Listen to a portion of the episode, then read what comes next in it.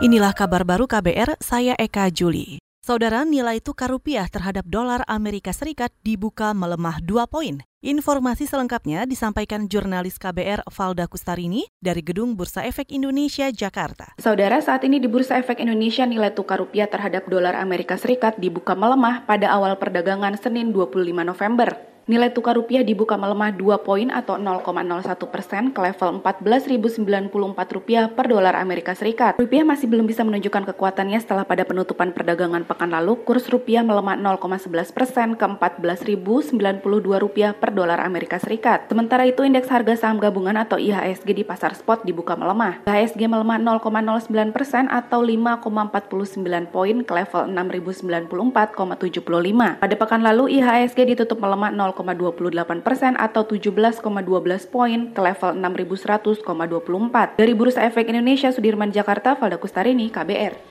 Saudara aktivis kemanusiaan Yeni Wahid mengatakan, ke depan Indonesia akan mengalami disrupsi teknologi. Yeni menekankan nantinya banyak pekerjaan akan digantikan oleh kecanggihan teknologi dan robot. Menyikapi fenomena kemajuan teknologi ini, menurut Yeni, Indonesia masih membutuhkan pekerja yang memiliki empati. Ke depan ketika banyak pekerjaan hilang digantikan oleh robot, maka pekerjaan-pekerjaan yang ada dan tetap dibutuhkan adalah pekerjaan yang membutuhkan perasaan empati. Ke depan nanti dokter tidak terlalu dibutuhkan. Kemampuan analitika dokter bisa digantikan oleh mesin, komputer. Tetapi pekerjaan yang masih membutuhkan sentuhan kasih sayang sentuhan kemanusiaan itu akan tetap ada. Dokternya boleh hilang, tetapi susternya tetap ada. Robot nggak bisa ngelus-ngelus anak kecil terus bilang jangan takut disuntik ya nak. Aktivis kemanusiaan Yeni Wahid juga menitipkan pesan kepada Wakil Presiden Indonesia Ma'ruf Amin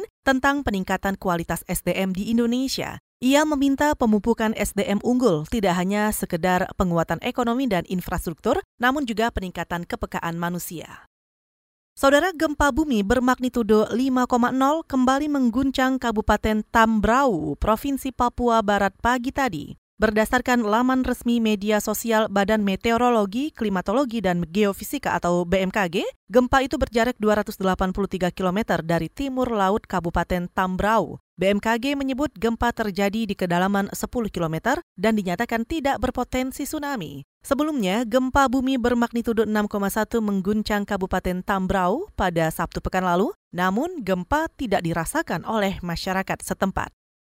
Kita ke Jawa Timur. Pemerintah provinsi ini bekerja sama dengan Universitas Airlangga atau UNAIR melakukan pengecekan terhadap produk tahu dari pabrik di Desa Tropodo, Kabupaten Sidoarjo. Gubernur Jawa Timur Hovifah Indar Parawansa menegaskan, pengecekan dilakukan untuk memastikan tahu yang dihasilkan pabrik di desa itu bebas bahan kimia. Karena dari Balai Besar Kementerian Pertanian juga datang mereka sangat komplit gitu. Dari UNER juga membantu proses untuk bisa melakukan identifikasi tahu yang diolah dengan pembakaran dari sampah plastik.